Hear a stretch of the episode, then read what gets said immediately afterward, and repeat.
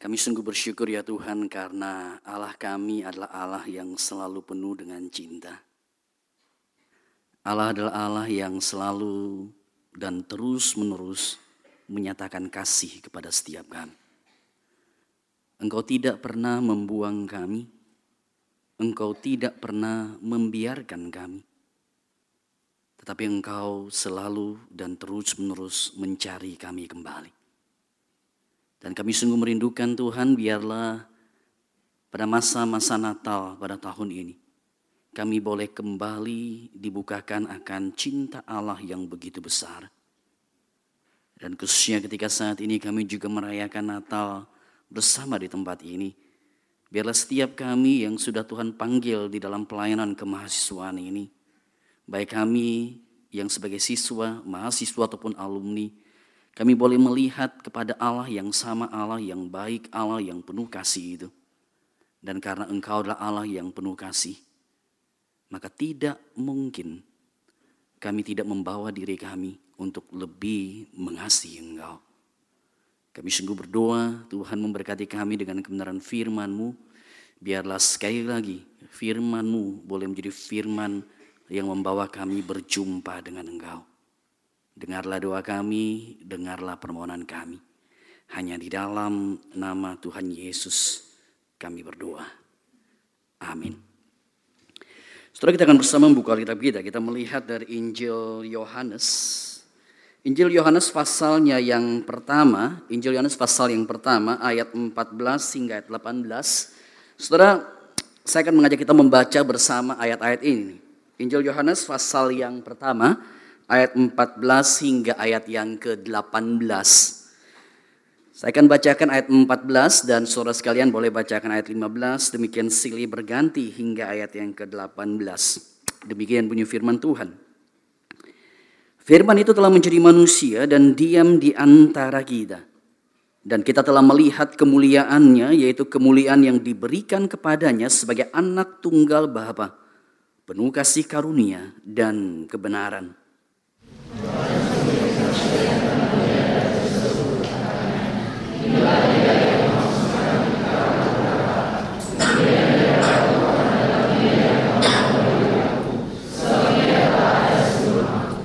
Karena dari kepenuhannya kita semua telah menerima kasih karunia demi kasih karunia.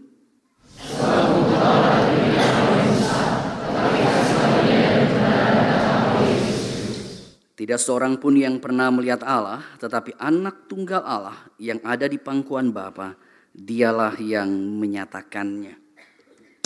Setelah satu minggu terakhir ini, saya dengan istri saya kami sempat nonton ada beberapa kali ada sebuah uh, video di YouTube. Uh, tentu saja bukan video yang sama sih begitu. Saudara, sebuah video musikal daripada satu kelompok uh, kuartet yang ada di Irlandia kuartet wanita atau mungkin kadang-kala tiga, empat, kadang-kala lima seperti itu yang kelompok ini bernama Celtic Woman atau Celtic Woman ya Celtic Woman. Saudara uh, istri saya baru nonton dalam satu minggu terakhir ini, saudara sehingga akhirnya kami beberapa dalam satu minggu ini ada beberapa kali nonton. Saudara kami cukup senang nonton bagian ini. Ada episode berkaitan dengan Christmas konsernya, ada episode berkaitan dengan uh, nyanyian yang lain dan sebagainya dan sebagainya. Saudara ada satu bagian yang saya ingin uh, mengajak saudara coba memperhatikan video ini. Saudara tetapi intinya bukan di video ini tapi ada bagian yang saya ingin mengajak kita kemudian melihat apa yang saya dan istri saya kemudian alami sebenarnya ketika kemudian melihat semuanya ini.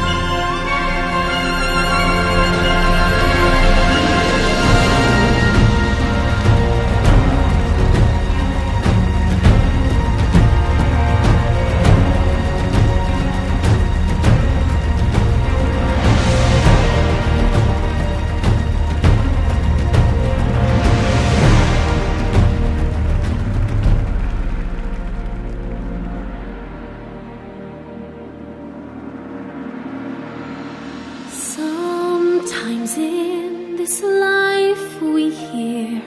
Calling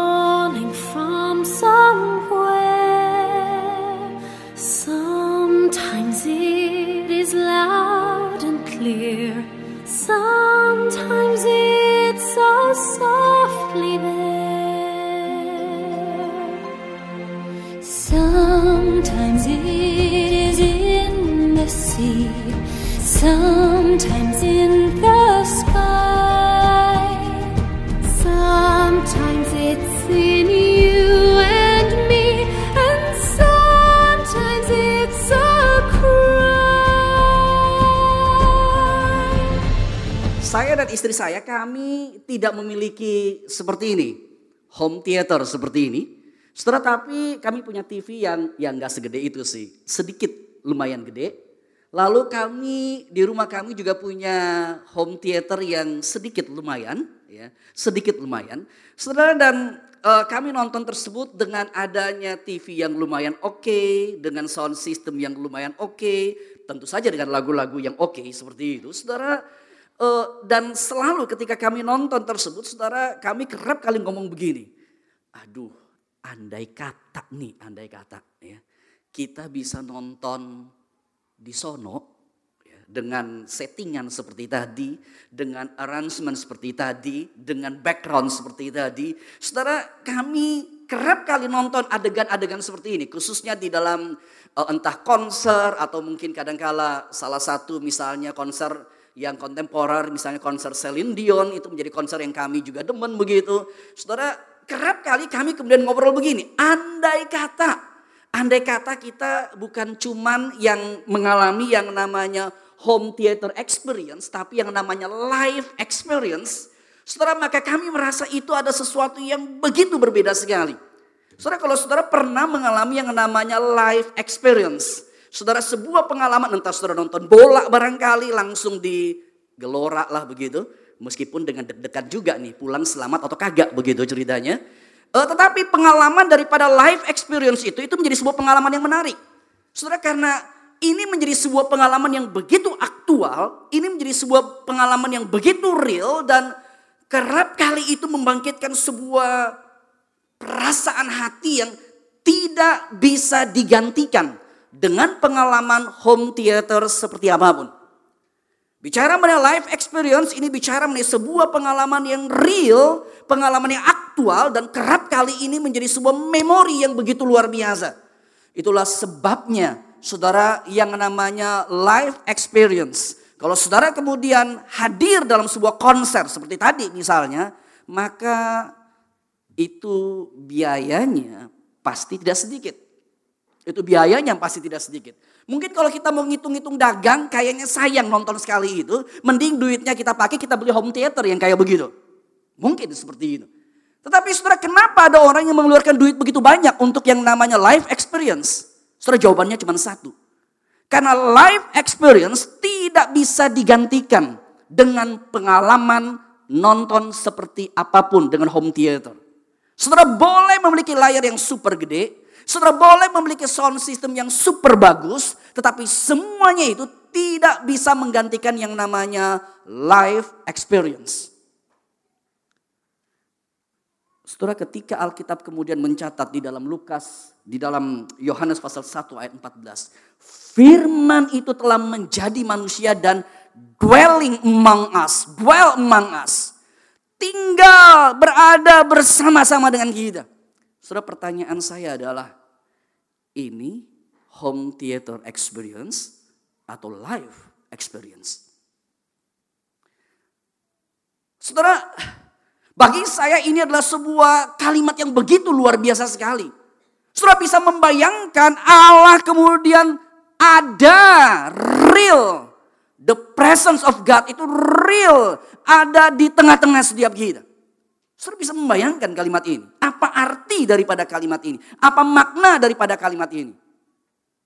Kemarin saja Jokowi mampir ikut sembahyang bareng di Monas begitu. Langsung jualan payung biru jadi laris manis. Saudara itu namanya Jokowi dwell among yang lagi sholat. Saudara bisa bayangkan di sini Allah yang kemudian dwell among us. Allah yang ada bersama-sama dengan saudara dan saya. Saudara ini adalah sebuah pengalaman yang bagi saya menjadi sebuah pengalaman yang sangat besar sekali. Ini clear adalah life experience. Ini clear adalah sebuah peristiwa yang menjadi bersifat powerful sekali. Yang menjadi hal yang begitu-begitu real kita alami. Dan seharusnya peristiwa ini menjadi peristiwa yang bersifat transformational. Peristiwa yang akan berdampak luar biasa di dalam hidup setiap kita. Saudara, tapi menurut saya permasalahan yang terjadi adalah di dalam hidup kekristenan pada zaman ini.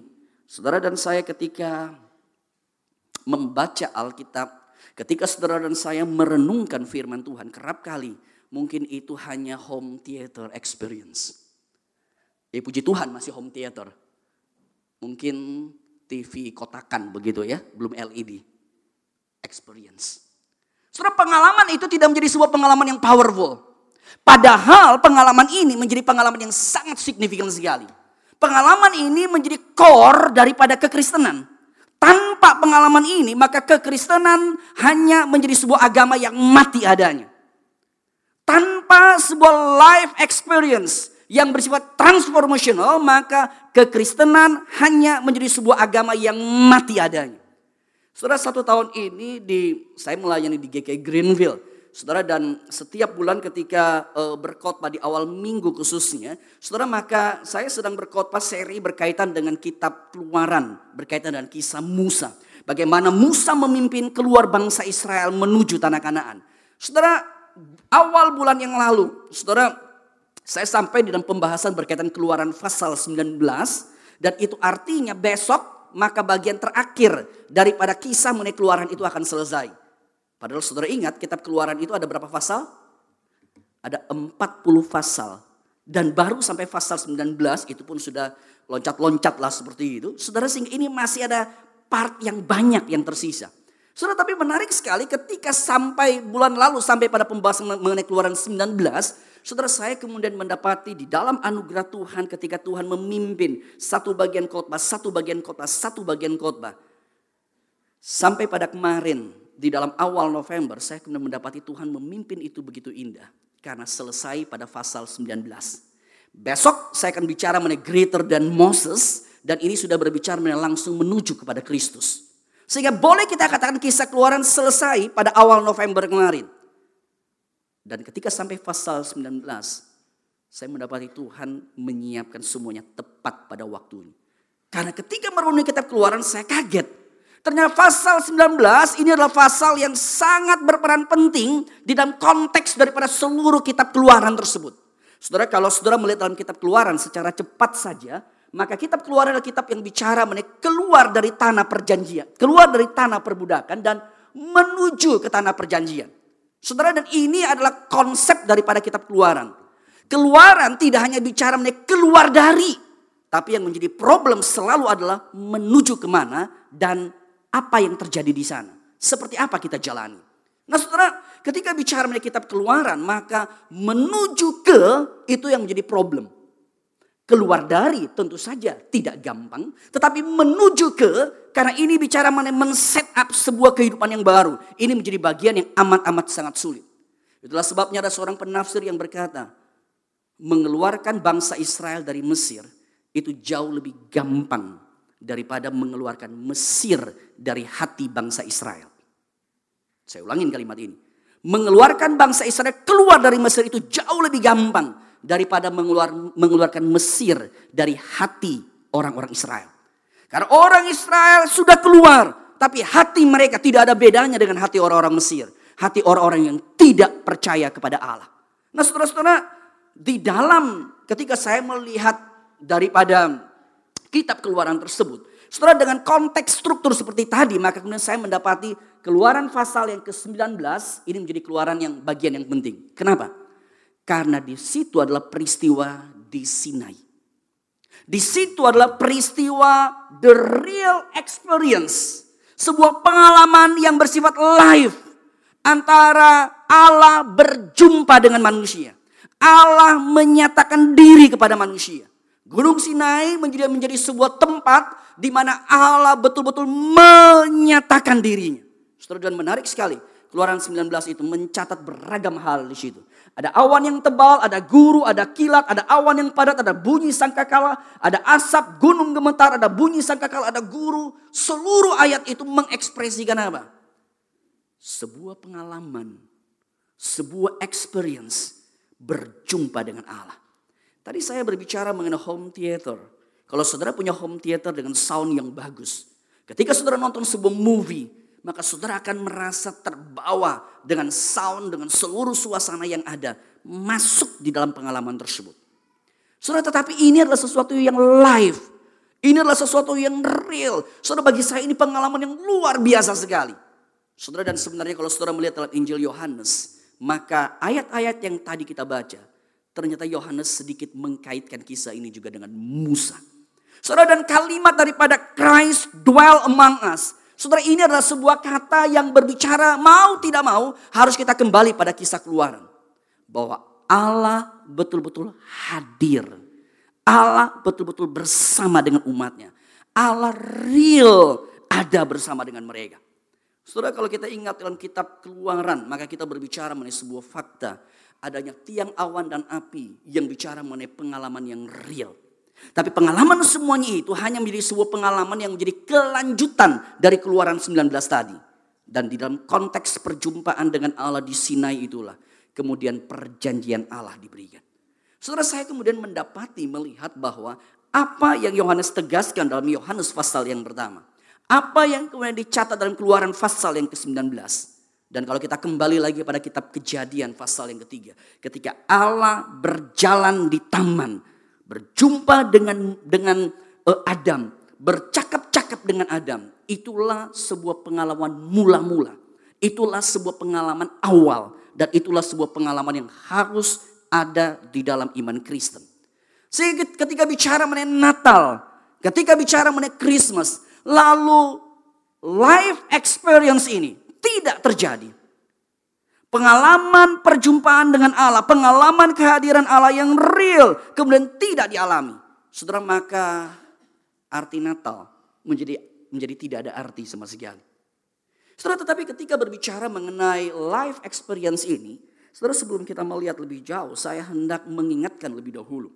Saudara, saya memakai dua istilah di sini. Satu istilah adalah spiritual ecstasy, ini sengaja istilah ini saya pakai. Istilah kedua adalah religious affection. Ini adalah istilah daripada Jonathan Edward. Saudara, ketika bicara mengenai experience, saudara saya kemudian mendapati begini. Kita berada pada sebuah zaman di mana gerakan spiritualitas itu muncul luar biasa. Kita, satu sisi kita disadarkan bahwa bicara mengenai iman Kristen itu tidak hanya bicara mengenai doktrin. Ketika bicara mengenai Christmas, ini tidak bicara hanya doktrin inkarnasi. Tapi ini bicara mengenai Allah yang real dan kita mengalami perjumpaan bersama dengan Allah. Tetapi pertanyaannya, pengalaman itu adalah pengalaman seperti apa? Sudah karena kalau kita melihat di dalam sejarah kekristenan, menarik sekali pengalaman kita harus cermati dengan baik. Karena pengalaman kerap kali menipu kita. Begitu banyak orang termasuk kita bicara sama orang Kristen. Di dalam hidupnya dia berkata dia mengalami Tuhan begitu intim dengan dia. Dia mengalami Tuhan rasanya seperti teman yang begitu dekat. Dia bisa bercakap-cakap, bisa curhat dengan Tuhan begitu luar biasa sekali. Dan dia mengalami sebuah pengalaman spiritual yang luar biasa. Tapi saudara sebelum sebelum kita bersuka cita lebih jauh dengan pengalaman itu, kita harus uji lebih dahulu. Betulkah ini adalah sebuah pengalaman ilahi yang Tuhan inginkan? Atau ternyata jangan-jangan ini hanya menjadi sebuah pengalaman yang menipu kita. Saudara saya menggunakan kata spiritual ecstasy. Saudara karena ketika kita menggunakan terminologi ecstasy, ini adalah sesuatu yang sebenarnya membuat kita addicted dengan sarananya.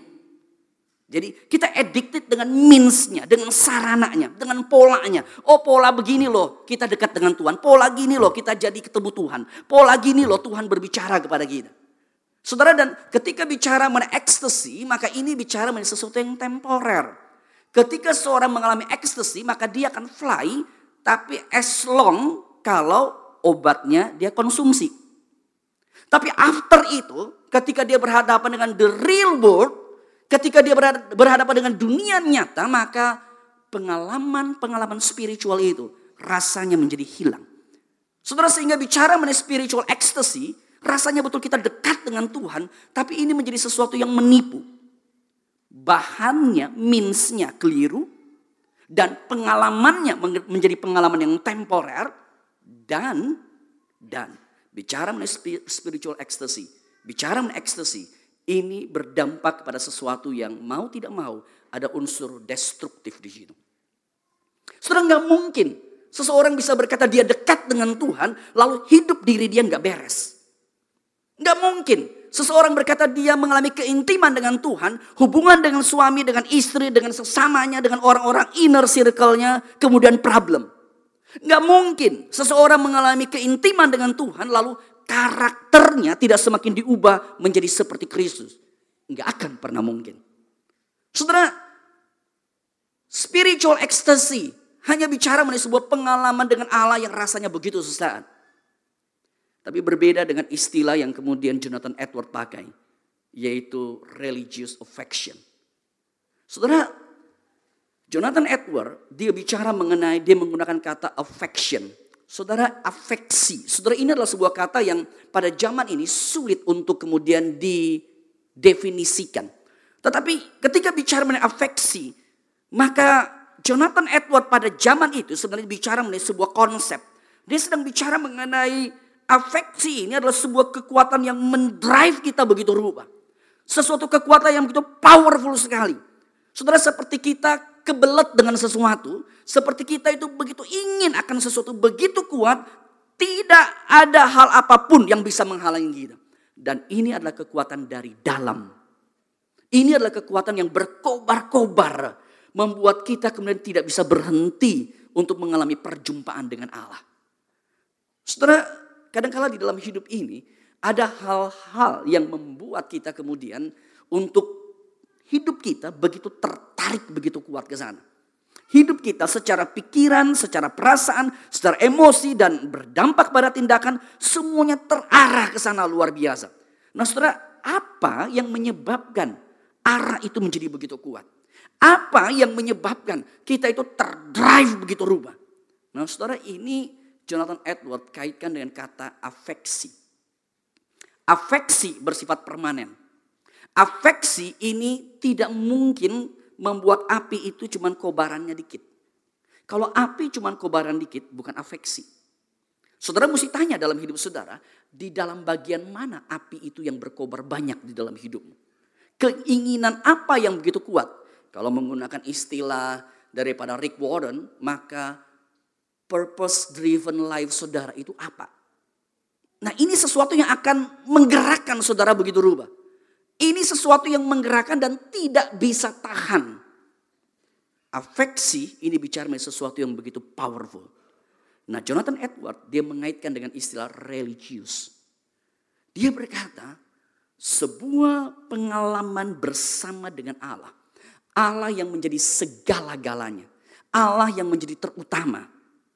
Ini menjadi sebuah pengalaman yang akan mengubah kita secara total di dalam hidup ini. Saudara itulah sebabnya kalau saudara membaca Alkitab, Yesus berkata, barang siapa tidak menyangkal orang tuanya, suaminya, istrinya, anaknya, kakaknya, tinggalkan semuanya, tidak layak ikut aku. Yesus bukan sedang berbicara mengenai kita tinggalin keluarga kita. Tapi Yesus sedang bicara mengenai afeksi kita yang paling kuat itu apa? Atau Yesus bicara mengenai barang siapa yang bertemu dengan sebuah harta di ladang itu yang begitu mahal nilainya. Dia akan tinggalin semuanya lalu cari yang itu. Ngambil yang itu. Saudara, Yesus sedang bicara mengenai adanya sebuah drive yang begitu kuat. Membuat hidup kita langsung berubah. Yaitu sebuah kehidupan menuju kepada Allah. Itulah sebabnya Jonathan Edward bicara mengenai religious affection. Untuk berbicara mengenai apakah di dalam hidup kita sebagai orang Kristen yang menjadi tanda dari agama yang sejati. The true religion, tanda agama yang sejati adalah apakah ada pengalaman afeksi yang begitu kuat yang mendrive kita. Buat mati pun saya siap. Mati pun adalah keuntungan. Apa pun juga. Yang penting hanya Kristus yang dimuliakan. Urusan saya itu urusan tidak ada artinya. Nah saudara Pengalaman inilah menjadi pengalaman yang harus terjadi ketika kita bicara mengenai Natal. Kalau kita boleh gambarkan ini seperti gambaran mengenai meteor dan bintang. Saudara pernah lihat meteor? Ketika meteor kemudian apa itu ya diistilahkan. Ya pokoknya dia muncul lah begitu ya. Dia muncul lah seperti itu. Kita terkagum. Tapi meteor hanya sementara. Berbeda dengan bintang. Bintang tetap eksis di situ. Meteor hanya sementara. Tapi bintang tetap ada di situ. Cuman permasalahannya sayangnya kita jarang menghargai bintang. Karena kebanyakan lampu. Hanya sampai ketika kita ke tempat di mana kagak ada lampu. Kita nengok ke atas. Gila benar. Luar biasa bintang itu. Luar biasa bintang itu. Saudara bintang dia konsisten. Bintang dia terus bercahaya. Memang dia menjadi refleksi cahaya tersebut. Tapi dia bukan hanya sesaat. Dia bukan hanya satu waktu. Dia bukan hanya kondisi tertentu. Tapi bintang ini bicara sesuatu yang terus menerus. Dia akan bercahaya. Itulah sebabnya Paulus Alkitab berbicara mengenai engkau dan saya dipanggil bercahaya seperti bintang di langit. Bukan seperti meteor. Meteor itu sekali-sekali lagi Christmas ya oke, okay. lagi baik-baik ya oke, okay. lagi mood ya oke. Okay. Tapi saudara dan saya dipanggil untuk bercahaya seperti bintang. Tetapi balik lagi sebenarnya, balik lagi sebenarnya. Ketika berbicara mengenai kehidupan seperti ini, ini hanya bisa terjadi kalau kita mengalami yang namanya religious affection tersebut. Saudara ketika saya memperhatikan di dalam Alkitab, khususnya di dalam Yohanes pasal yang pertama ini, saudara saya kemudian mendapati seperti ini. Sebenarnya ketika bicara mengenai God dwells among us. Ketika bicara mengenai Allah kemudian ada tinggal bersama dengan kita, maka pengalaman ini adalah sebuah pengalaman yang harus menghasilkan religious affection. Saudara memang di situ saudara ada memberikan sebuah subtema di situ, see and savor his glory. Saudara, ini menjadi sebuah seperti subtema yang membawa kita untuk bisa menikmati, mengalami, melihat, merasakan yang namanya God dwell among us. Tapi pertanyaan saya adalah, sebenarnya pengalaman seperti ini, pengalaman yang harus menjaga kita supaya kita bisa bercahaya ini. Sebenarnya pengalaman seperti apa sih? Pengalaman seperti apa God dwell among us? Pengalaman seperti apa? Yang namanya pengalaman religious affection. Khususnya di dalam konteks daripada Yohanes pasal pertama ini. Saudara ketika saya membaca Yohanes pasal pertama ayat 14 sampai ayat 18. Saudara saya mendapati ada catatan penegasan yang menarik daripada Alkitab yang saya ingin explore untuk membawa kita untuk bisa mengalami yang namanya God dwell among us. Christ dwell among us. Saudara kalau saudara perhatikan di dalam ayat-ayat yang tadi kita baca, saudara, maka saudara dan saya akan menemukan saya mengambil dua ayat di sini khususnya karena ini terjadi pengulangan di situ. Di dalam ayat 14 dikatakan firman telah menjadi manusia dan diam di antara kita dan kita telah melihat kemuliaannya, kemuliaan yang diberikan kepada sebagai anak tunggal Bapa, penuh kasih karunia dan kebenaran. Ayat 17. Sebab hukum Taurat diberikan oleh Musa, tetapi kasih karunia dan kebenaran datang oleh Yesus Kristus. Saudara kalau saudara perhatikan dalam beberapa ayat ini, maka dua kata ini menurut saya menjadi dua kata yang membawa kita mengeksplor yang namanya Christ dwell among us. Saudara saya hendak mengajak kita melihat dua hal ini dengan dengan dengan dengan lebih lanjut. Saudara, kalau saudara perhatikan di sini, maka ini adalah bicara mengenai kasih karunia dan kebenaran. Saudara, bagaimana caranya kita mengalami Christ dwell among us? Saudara, menurut saya melalui dua instrumen ini. Instrumen yang pertama adalah ketika dalam hidup kita Alkitab berbicara, kita kemudian mulai mengalami anugerah tersebut. Saudara, anugerah ini tentu saja bicara mengenai keselamatan, bicara mengenai belas kasihan Allah. Tapi bicara mengenai anugerah Allah, maka ini bicara mengenai sebuah terminologi yang sangat luas. Tentu saja anugerah yang paling utama itu adalah anugerah keselamatan. Tetapi selain anugerah keselamatan, maka hidup ini adalah hidup yang penuh dengan anugerah. Hidup ini adalah hidup yang penuh dengan belas kasihan. Saudara itulah sebabnya kalau saudara perhatikan di dalam ayatnya yang ke di dalam ayatnya yang ke-16 saudara dikatakan kita menerima kasih karunia demi kasih karunia. Kita menerima kasih karunia demi kasih karunia. Nah saudara, saya hendak mengajak kita begini dalam perjalanan hidup ini. Bagaimana kita mengalami Christ dwell among us? Salah satu cara utama menurut saya adalah kalau dalam perjalanan hidup ini kita bisa mencoba untuk mencerna realita anugerah ini. Dan realita anugerah adalah realita yang anugerah demi anugerah. Ini bukan anugerah yang berhenti ketika saudara dan saya percaya kepada Tuhan. Tapi ini adalah anugerah yang terus menerus, terus menerus, terus menerus. Saudara, ketika saudara dan saya melihat hidup ini, maka hidup ini adalah hidup yang tidak bisa lepas daripada anugerah Allah. John Calvin pernah berkata seperti ini, siapakah orang kudus?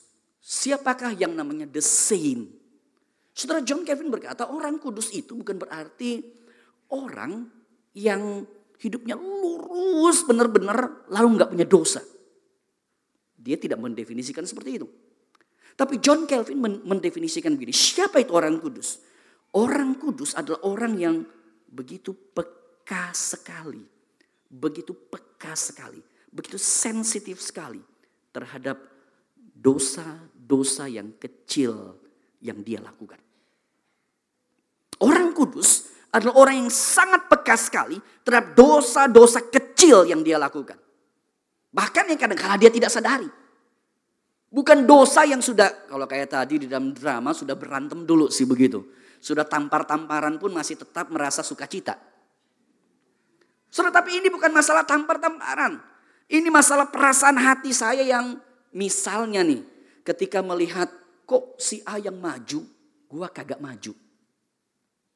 Ini cuma masalah di perasaan. Tapi kita langsung menyadari, eh sebentar dulu. Kenapa saya punya perasaan seperti ini?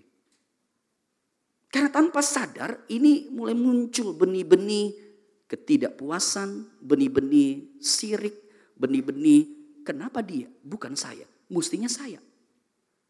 Ini tidak keluar sebenarnya. Ini tidak keluar, ini cuma di dalam perasaan saya. Tapi ketika saya bisa mendeteksi itu dan saya berpikir, waduh, kenapa hati saya jadi begini ya? Sudah maka di sini kita mulai melihat, waduh, saya kelihatannya pelayanan sih oke. Okay. Pimpin Bible study sih oke okay, begitu loh. Anak-anak KTB saya berpikir, wah luar biasa, excellent ini. Nggak ada yang bisa jelasin Alkitab luar biasa seperti begini. Tetapi saya menyadari, saya itu orang yang rapuh sekali. Orang yang sangat rentan sekali terhadap yang namanya dosa. Ketika kita menyadari itu, kita mulai menyadari, aduh Tuhan, siapa saya yang boleh melayani Tuhan? Di saat itulah kemudian kita melihat, kalau saya bisa melayani, ada anugerah Tuhan. Anugerah demi anugerah yang muncul. Saudara, saya senang dengan buku daripada Henry Newen dan beberapa waktu lalu ketika pendeta Yakub Susabda di dalam acara HUT ke-25 daripada STRI lalu kemudian dia retired dia berkhotbah mengambil tema dari buku Henry Newen tersebut. Wounded healer. Wounded healer. Penyembuh yang terluka. Penyembuh yang terluka. Saudara Henry Newen ini adalah seorang imam. Seorang imam daripada ordo Yesuit di Katolik dia adalah seorang yang sangat menulis buku yang begitu luar biasa sekali berkaitan spirituality. Tapi di dalam buku itu sebenarnya dia berbicara mengenai sebuah kenyataan. Ketika dia dipanggil menjadi healer, menjadi penyembuh. Untuk menyembuh umat yang begitu banyak. Dia menyadari dia adalah seorang yang wounded. Dia seorang yang terluka. Hidup dia tuh banyak lukanya. Hidup dia tuh banyak bobroknya. Sehingga kalau dia bisa melayani luar biasa, ini bukan karena dia. Tapi kalau dia bisa eksis saja, saudara itu karena anugerah. Karena ada anugerah demi anugerah. Saudara-saudara, bagaimana caranya kita mengalami Christ dwell among us? Salah satu caranya adalah kalau kita bisa masuk dalam sebuah pengalaman bahwa hidup betul karena anugerah. Dan betul kalau saya ada, kalau saya bisa melayani, kalau saya bisa hidup, semuanya itu karena anugerah daripada Allah. Saudara, ini bukan karena masalah kita lakukan dosa besar. Kalau kayak tadi di dalam drama, ya, ending semuanya problem. Iya kan? Lalu ada Yesus di situ yang tepok-tepok dikit, eh dia jadi cerah wajahnya. Itu betul. Ada orang yang sudah babak belur, meskipun dia percaya pada Tuhan, dia jatuh dosa luar biasa. Tapi Allah adalah seperti Bapa yang selalu membuka tangan bagi anak bungsu yang hilang tersebut. Tetapi, tetapi Allah juga adalah Allah yang membuka tangan kepada anak sulung yang terhilang di rumah. Semakin hari di dalam pelayanan gerejawi, saya kemudian mendapati. Saya bicara mengenai pengalaman pelayanan gerejawi. Saya mendapati. Kisah daripada Lukas 15 mengenai anak yang hilang. Saya mendapati cukup banyak kisah anak yang hilang versi anak sulung, bukan anak bungsu. Versi anak sulung. Dan saya rasa kebanyakan kita di sini mestinya menurut saya enggak sehancur anak bungsu. Mestinya, harap-harap begitu, harap-harap begitu. Saudara melayani, saudara terlibat dalam persekutuan siswa, dalam persekutuan kampus. Bahkan saudara yang sudah selesai, saudara masih punya hati untuk melayani di dalam kampus luar biasa. Mendukung pelayanan perkantas ini, luar biasa sekali. Tapi saudara, apakah benar ada orang yang luar biasa? Apakah benar ada orang yang begitu bisa berdiri teguh dan kemudian berkata, "Lihat saya." Semakin seseorang masuk dalam sebuah perjalanan rohani, dalam pengalaman religious affection tersebut, dia semakin melihat hidup itu betul karena anugerah. Hanya anugerah demi anugerah. Setelah di dalam pelayanan kerap kali ketika saya semakin merundungi firman, saya cuma menyadari begitu banyak hal ya, begitu banyak hal yang kayaknya kalimatnya oke, tapi di balik kalimat itu itu ngawurnya luar biasa. Ketika kita bicara mengenai setiap kita yang adalah pelayan Tuhan misalnya. Setiap kita yang adalah pelayan Tuhan. Saudara, saya semakin hari semakin berpikir, saudara dan saya, atau sayalah begitu ya. Benar nggak saya layak menjadi hamba Tuhan? Benar nggak saya layak berkhotbah melalui mimbar ini? Benarkah saya layak berdiri menjadi juru bicara Tuhan?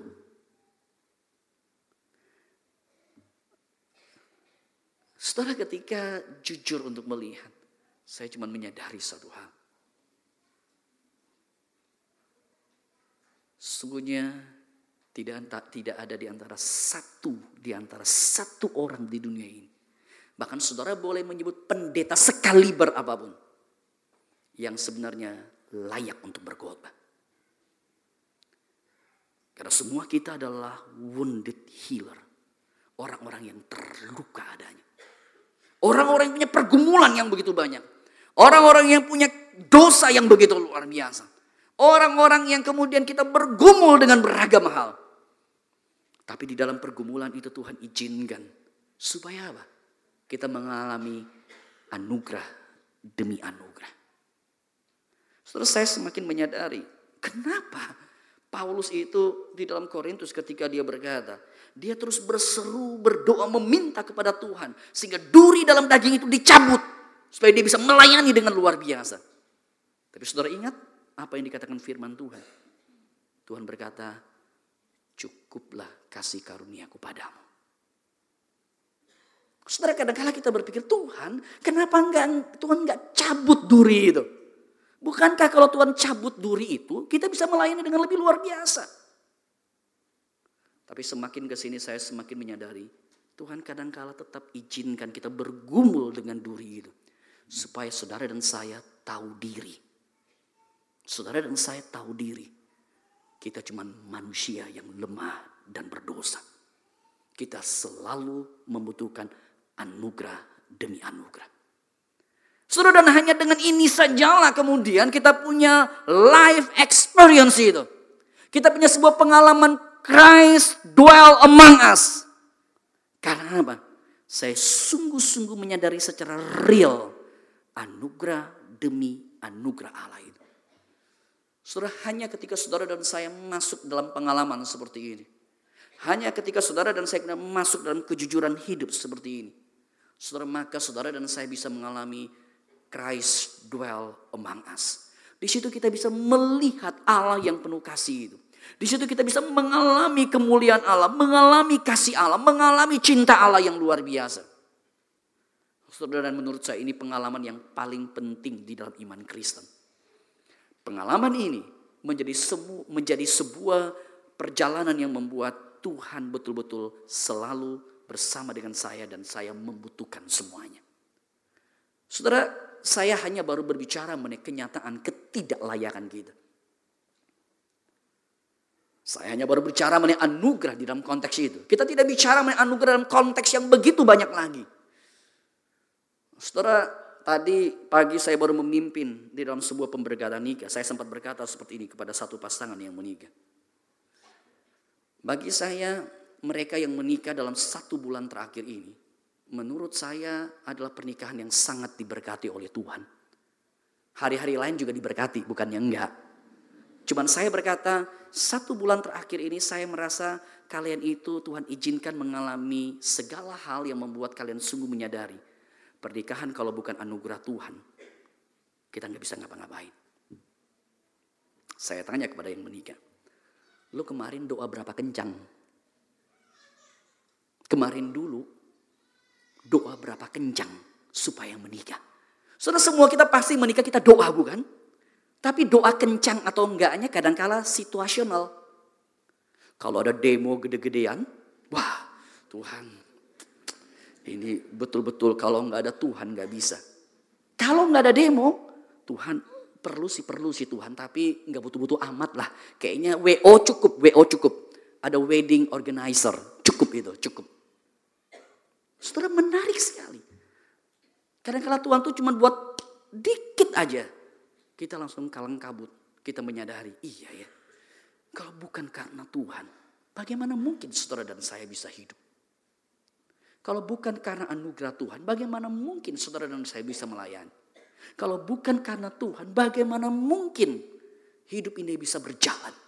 Saudara sehingga kalau orang tidak menyadari anugerah Tuhan, tidak menyadari hadirat Tuhan, menurut saya orang yang terlalu naif hidup ini. Terlalu naif, terlalu naif.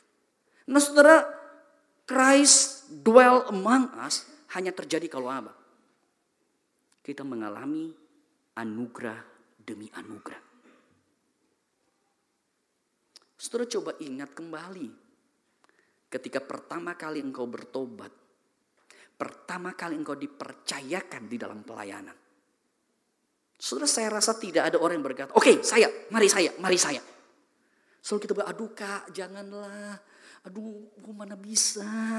Aduh lihat aja kayak begini, mana bisa. Selalu pasti kita ngomong begitu bukan? Dan memang itu tahu diri luar biasa. Tapi seiring berjalan waktu kita agak kurang tahu diri begitulah jadi. Kak, kalau nggak saya siapa lagi? Saudara dan kadangkala ini cukup masuk akal. Karena saudara bukan sedang sombong. Saudara sedang merasa ya memang saudara punya potensi. Saudara punya capability. Tapi saudara di sini mulai menjadi masalah. Ketika kita mulai merasa kita punya potensi, punya capability, punya jam terbang yang banyak. Dan merasa kita cukup layak.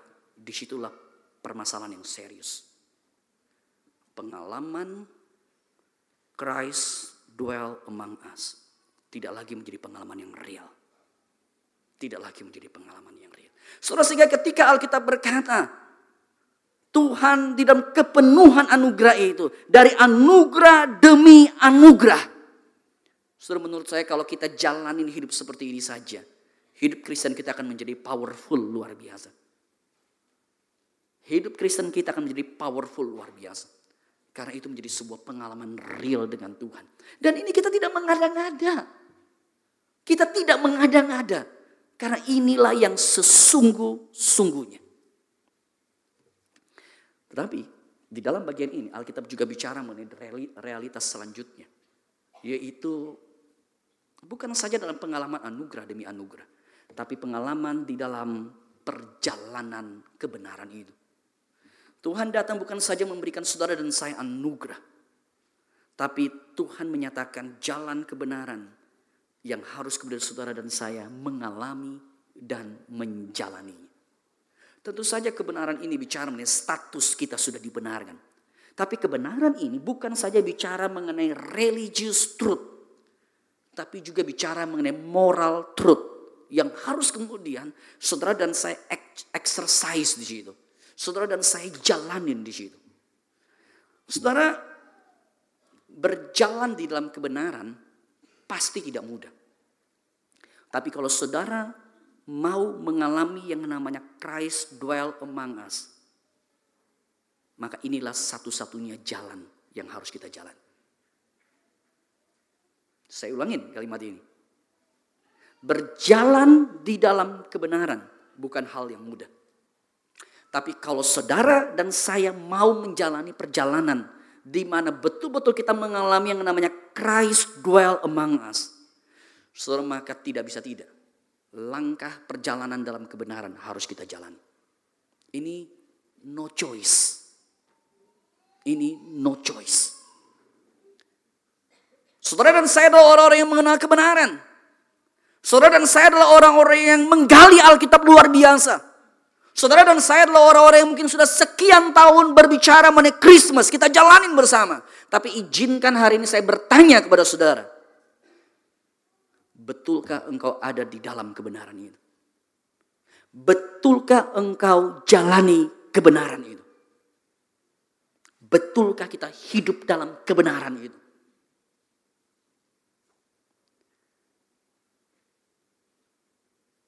Saudara kalau saudara melihat di dalam kekristenan beberapa tahun terakhir ini, saya melihat Tuhan itu mulai membangkitkan sebuah kesadaran yang sangat kuat sekali. Baik gereja-gereja di Amerika, baik gereja-gereja di Asia, sebuah kesadaran seperti apakah kekristenan.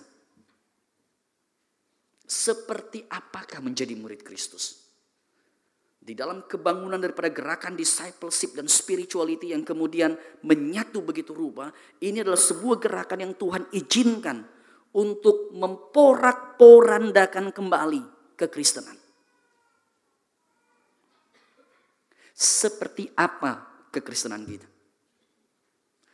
Saya rasa kisah yang tadi kita tonton tadi adalah sebuah kisah yang Kebanyakan orang Kristen jalanin seperti itu.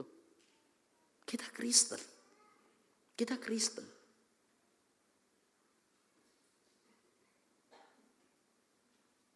Tetapi kita jalanin Kristen dengan asal-asalan. Dengan asal-asalan. Kita mengerti Alkitab, kita membaca buku teologi, tapi kita jalaninnya dengan asal-asalan. Saudara yang berada di dalam gerakan perkandas. Menurut saya tuntutan ini harus menjadi sebuah tuntutan yang lebih bagi saudara. Karena gerakan perkantas, gerakan LPMI, gerakan navigator adalah gerakan-gerakan yang Tuhan pakai pada zaman lampau dengan luar biasa. Dengan sebuah kebangunan pemuritan yang luar biasa. Tapi ingat, pemuritan bukan bicara kita tahu, kita ngerti, kita bisa baca gali Alkitab dengan baik. Tapi pemuritan ini bicara mengenai kebenaran itu betulkah kita jalanin? Betulkah kita jalanin? Apa pun itu. Apa pun itu. Saudara, saya rasa ini adalah sebuah seruan bagi saya, bagi setiap kita, bagi semua kita. Sebuah seruan, sebuah pertanyaan, betulkah kita jalanin kebenaran itu? Kita tahu kebenaran, Kita tahu kebenaran. Tapi betulkah kita sungguh-sungguh menjalaninya? Pengalaman berjumpa dengan Tuhan hanyalah menjadi sebuah pengalaman yang bisa terjadi kalau kita berjalan benar-benar bersama dengan Dia. Saudara saya rasa setiap kita di Indonesia, di kota Jakarta khususnya, dengan figur Ahok yang beberapa waktu yang lampau, beberapa waktu yang lampau, dengan statement-statement yang mau tidak mau kita yang belajar Alkitab kita tahu, itulah sebuah statement-statement ketika bicara mati adalah keuntungan, ketika berbicara mengenai bagaimana harus kemudian menjalani hidup dengan betul-betul benar seperti itu. Saudara, saya rasa itu adalah sebuah statement yang luar biasa. Tapi hari-hari ini ujian itu yang harus dijalani.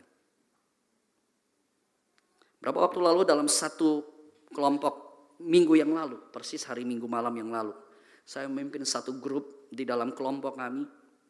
Saya kemudian berkata begini. Karena ada satu teman, ada satu jemaat yang sedang ngambil satu program master, lalu ketemu pembimbingnya itu luar biasa lah begitu. Ya luar biasa susah setengah mati. Sehingga hari-hari bulan lalu itu dia udah berkata, aduh ini udah nggak mungkin, ini udah nggak mungkin. Kami terus dorong dia dalam program masar sebelum ini bukan angker lagi begitu. Ini udah angker, bir bintang dan bir-bir yang lain udah penuh semua sih begitu jadinya. Ini numpuknya ke dia begitu. Setelah tapi kemarin saya cuma ngomong begini. Bagi saya isu kita itu bukan lulus atau enggak lulus. Bukan lu dapat gelar master atau kagak. Saudara keliru sekali kalau kita bicara mengenai poinnya lulus atau tidak. Tapi poinnya yang terpenting adalah apakah engkau sudah do the best. The restnya ya serahin ke Tuhan.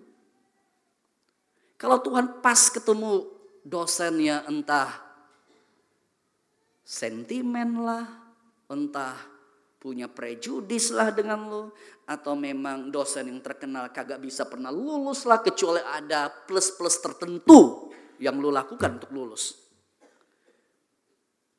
Isu kita bukan lulus atau tidak.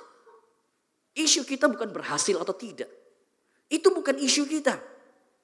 Tapi isu yang terpenting adalah dalam perjalanan itu seperti apakah kita jalani. Saudara keliru sekali kalau kita berpikir hanya dalam kategori berhasil atau atau tidak. Tentu saja bagi saudara yang malas belajar itu nggak benar. Iya. Tapi seperti saya katakan, ini bicara mengenai kita jalanin dalam kebenaran. Sisanya ya sudah urusan Tuhan. Sisanya ya sudah urusan Tuhan. Ketika engkau dalam pekerjaanmu, Ketika engkau dalam bisnismu, ketika engkau dalam panggilanmu, engkau sebagai siswa, engkau sebagai mahasiswa, panggilan kita adalah betul kita jalanin kebenaran itu. Jalanin kebenaran itu. Dan ketika kita jalanin, maka sisanya biarkan Tuhan yang memimpin.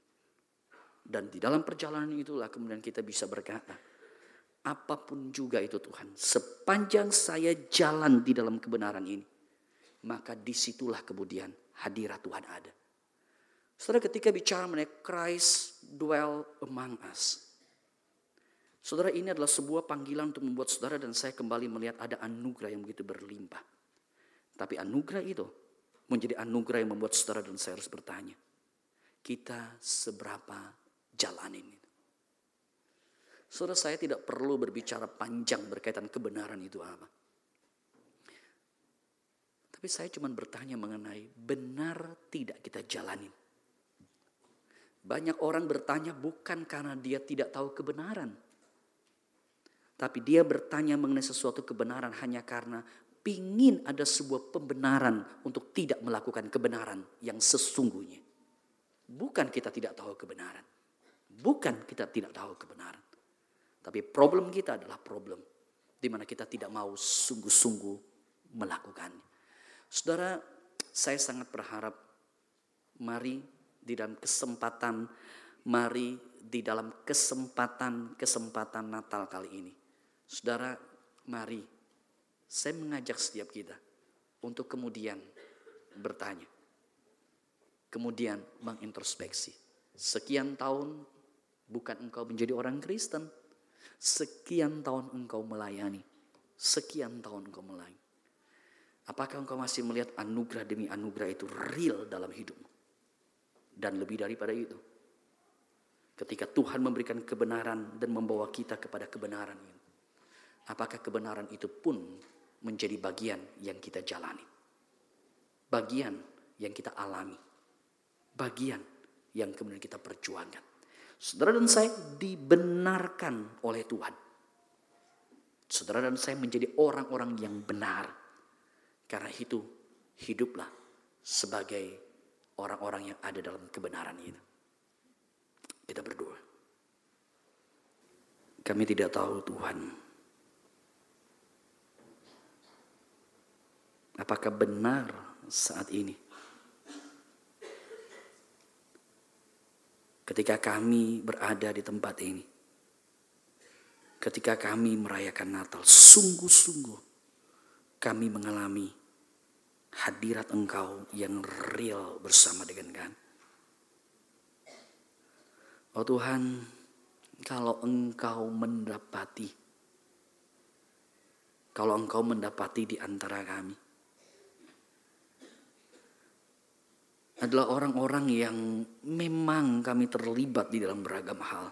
Tapi realitas anugerah demi anugerah tidak lagi kami rasakan dan kami alami tidak lagi kami sadari. Bahkan realitas sebagai anak-anak kebenaran untuk hidup dalam kebenaran. Kami tidak perjuangkan dengan sungguh lagi. Hamba sungguh berdoa. Mohon belas kasihan Tuhan. Hamba sungguh berdoa. Mohon anugerah daripada Tuhan Jangan biarkan kami hanya melayani dan kami tidak mengalami hadiratmu. Jangan biarkan kami sibuk dengan beragam hal, tapi kami tidak mengalami keberadaan Tuhan yang mengasihi kami dan yang menuntun kami kepada kebenaran itu. Pegang tangan kami bersama dengan kami selalulah dengan kami ya Tuhan. Kami sungguh menyerahkan hidup ini. Kami sungguh menyerahkan perjalanan kami yang masih panjang ini. Kami hanya memohon anugerahmu, belas kasihmu. Dengarlah doa kami ya Tuhan. Dan selalu pimpinlah hidup ini. Hanya di dalam nama Tuhan Yesus kami sungguh berdoa. Amin.